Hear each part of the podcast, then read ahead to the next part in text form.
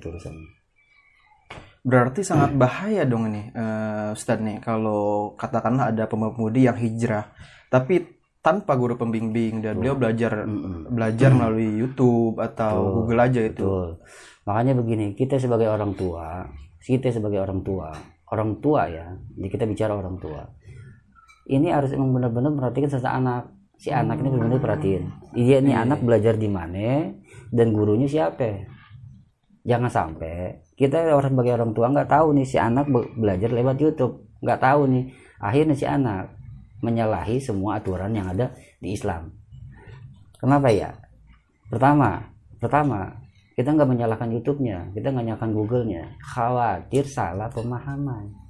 Gagal paham itu yang bakal jadi orang jadi sesat. Itu yang bahaya sama Iya, betul Gus. Karena banyak sekali sekarang ini video